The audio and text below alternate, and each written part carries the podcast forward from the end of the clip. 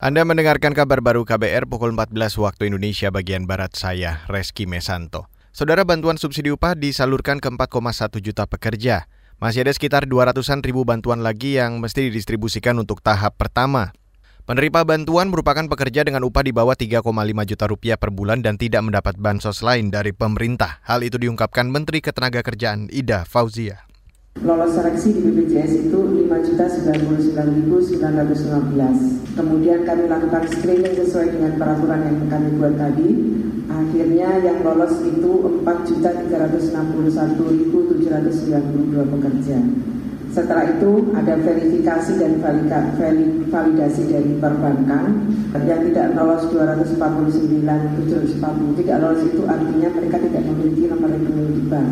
Nanti kami akan salurkan akan dibukakan rekening atau akan kami salurkan melalui BP Pos. Menteri Ketenagakerjaan Ida Fauzia menambahkan setelah penyaluran tahap pertama tuntas, pihaknya akan melakukan validasi data para calon penerima untuk tahap berikutnya.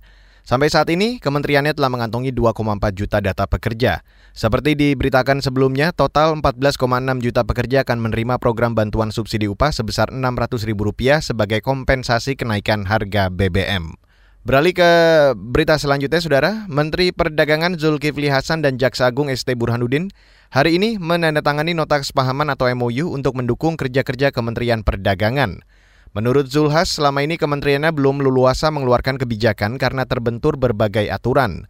Dengan adanya MOU dengan kejaksaan, Zulhas berharap program yang akan digawanginya bisa cepat terlaksana. Kementerian Perdagangan itu ada lembaga pelindung konsumen, menindak ilegal, barang-barang yang ilegal. Tentu kalau Kementerian Perdagangan sendiri kurang wibawanya. Nah sekarang dengan MOU ini kami bisa kontak, bisa datang, bisa minta pendampingan dari uh, kejaksaan. Yang kedua aturan-aturan. Aturan itu banyak sekali. Tiap kementerian punya aturan. Jadi kalau kita mau mengambil suatu keputusan, ini bagaimana? Salah apa tidak? Nah, tentu dengan MOU ini, kami dari Kementerian Perdagangan bisa cepat minta kepada Jam Datun untuk minta pendapat hukum.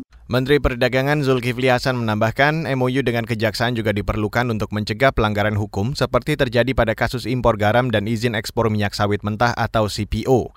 Selanjutnya kata dia, pengawasan terkait izin ekspor-impor juga bakal diperketat. Saudara Bank Dunia memproyeksi banyak negara yang akan jatuh ke jurang resesi pada 2023 karena suku bunga acuan Bank Sentral semakin tinggi. Mengutip AFP, Bank Sentral di sejumlah negara terus menaikkan suku bunga acuan demi meredam lonjakan inflasi. Kondisi ini akan menghambat proses pemulihan ekonomi global. Itu sebab ekonomi dunia diprediksi melambat menjadi 0,5 persen tahun depan. Presiden Bank Dunia David Malpass bahkan khawatir tren perlambatan ekonomi akan berlangsung dalam jangka panjang. Untuk itu Malpass mendesak seluruh negara fokus meningkatkan produksi agar pasokan kembali melimpah sehingga inflasi bisa ditekan.